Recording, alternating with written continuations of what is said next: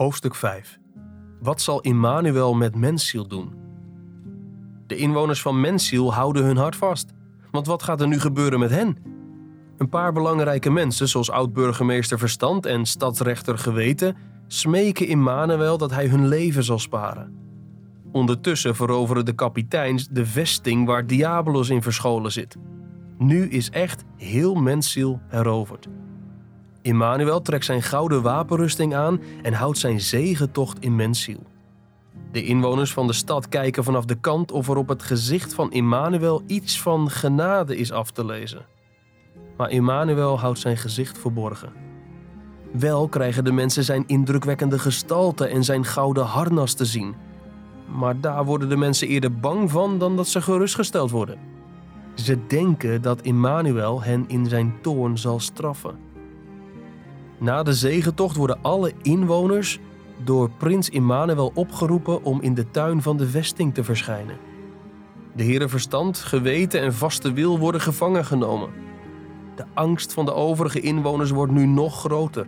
Als deze mannen gevangen genomen worden, wat zal er dan met hen gebeuren? In die nood en angst sturen ze meneer Levensverlangen op pad om een nieuwe brief aan prins Immanuel te overhandigen. Wees toch genadig. Maar prins Emmanuel is al niet meer in de stad. Hij heeft zich teruggetrokken in zijn legerkamp, buiten de stad. Daar aangekomen wacht levensverlangen een bittere teleurstelling. De prins staat hem niet toe de brief te geven en stuurt hem zonder antwoord terug naar Mensiel. Voor de derde keer laten de inwoners van Mensiel een brief opstellen voor Immanuel waarin ze hun schuld beleiden en hem smeken om genade. Een andere boodschapper moet deze brief bezorgen meneer ontwaakte verlangens. Hij wordt wel toegelaten tot Immanuel. En hij kan maar één ding doen. Hij knielt voor Immanuel neer en hij roept het uit: O Immanuel, wees mensziel genadig. Dit keer neemt de prins de brief aan en besluit het smeekschrift in overweging te nemen.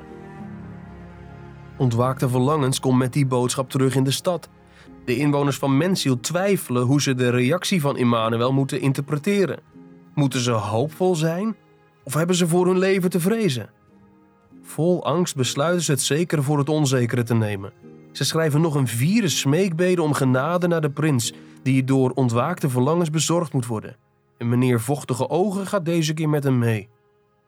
De deur naar de prins gaat weer open en daar staan ze, voor Immanuel. Ze smeken hem om zijn genade. Immanuel reageert scherp. Jullie vragen nu wel om genade, maar weet je wel hoe erg het is wat jullie mijn vader hebben aangedaan? Ondanks dat mijn vader zoveel van jullie hield, kozen jullie voor een leugenaar, voor Diabolos. Toen ik voor de poort stond, namen jullie mijn genade niet aan, en nu ik overwonnen heb, smeken jullie ineens om genade. Ondanks de scherpe toon neemt Immanuel het smeekschrift in overweging. Hij geeft de opdracht mee dat de gevangenen alle drie in het legerkamp moeten komen. Hij zal zo met hen doen dat hij erdoor geëerd wordt. Onzeker door deze opdracht gaan ze weer terug naar Mensiel. Voor hen is het wel duidelijk: Immanuel zal morgen niet genadig zijn. Het doodvonnis zal voltrokken worden. En na het uitbrengen van hun verslag trekken de inwoners dezelfde conclusie. De volgende dag trekken de gevangenen hun rouwkleding aan. De dag van hun oordeel is gekomen. Eenmaal voor Immanuel knielen ze neer en beleiden ze dat alle ellende hun eigen schuld is en dat wat Immanuel doet rechtvaardig is. Immanuel zegt: Ik heb van mijn vader de macht gekregen om jullie te straffen. Maar ik heb ook de macht gekregen om jullie zonde te vergeven. Ik kies voor het laatste. En hij geeft een perkament waarop staat: vrijgesproken. Dat kunnen de gevangenen niet geloven. Ze vallen om, volledig bewusteloos. Wat een liefde vervult deze Immanuel. Immanuel trekt de gevangenen overeind en neemt ze in zijn armen en kust ze. Vol liefde fluistert hij hen in de oren. Wees niet bang. Alles wat ik jullie heb beloofd, zal ik doen. Zorg ervoor dat in Mensiel dit perkament door stadsrechter geweten wordt voorgelezen aan alle inwoners. Blij verwonderd trekken ze hun rouwkleren uit en trekken ze de witte kleren aan die ze van Immanuel hebben gekregen. Ze dachten dat ze gingen sterven als vijanden van de prins, maar als geliefden van Immanuel komen ze terug in de stad. Zodra de vrijgelaten gevangenen hun verhaal hebben gedaan, barst Mensiel van vreugde uit zijn voegen. Wat een schitterend nieuws! De klokken luiden en alle inwoners huppelen van blijdschap. Hoofdstuk 6 Een blijde tijd. De volgende dag komt prins Immanuel op verzoek van de inwoners in Mensiel wonen. Zo begint een tijd van zegen en grote voorspoed.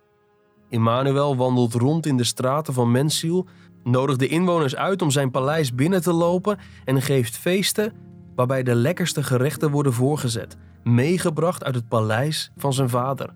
En zo krijgen de inwoners allerlei hemelse gaven.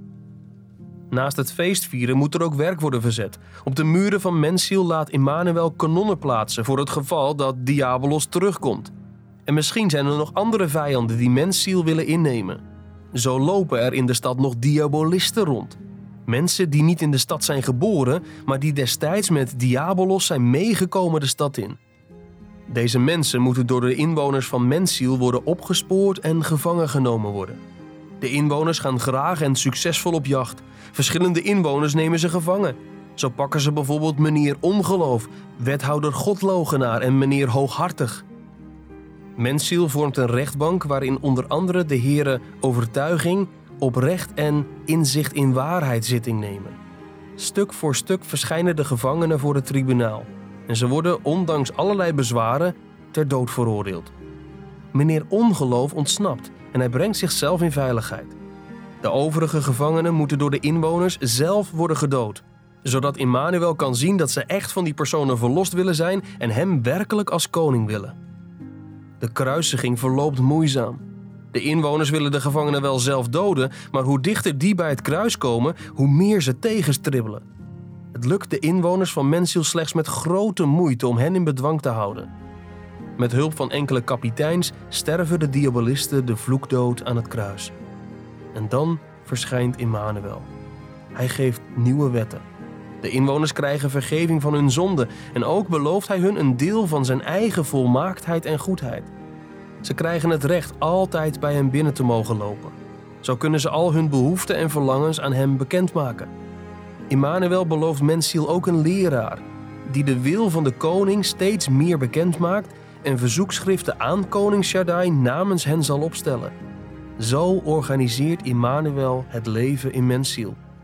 Immanuel wijst de stad nog op zich schuilhoudende diabolisten, zoals wellust, boosheid, naijver en overspel. Houd hen in de gaten, waarschuwt hij. Als laatste wordt meneer Godsvrede aangesteld als ambtenaar van Mensiel. Immanuel verzekert de inwoners ervan dat er vrede en blijdschap in de stad zal heersen zolang ze zijn geboden naleven. En die belofte komt uit. Mensiel ervaart een intens blijde tijd nu Immanuel in haar midden woont. Je hebt geluisterd naar een samenvatting van De strijd om jouw hart en leven. De heilige oorlog van John Bunyan. Geschreven door Dr. Reinier van Koten, samengevat door Anja de Otter en voorgelezen door Marcel Vroegop.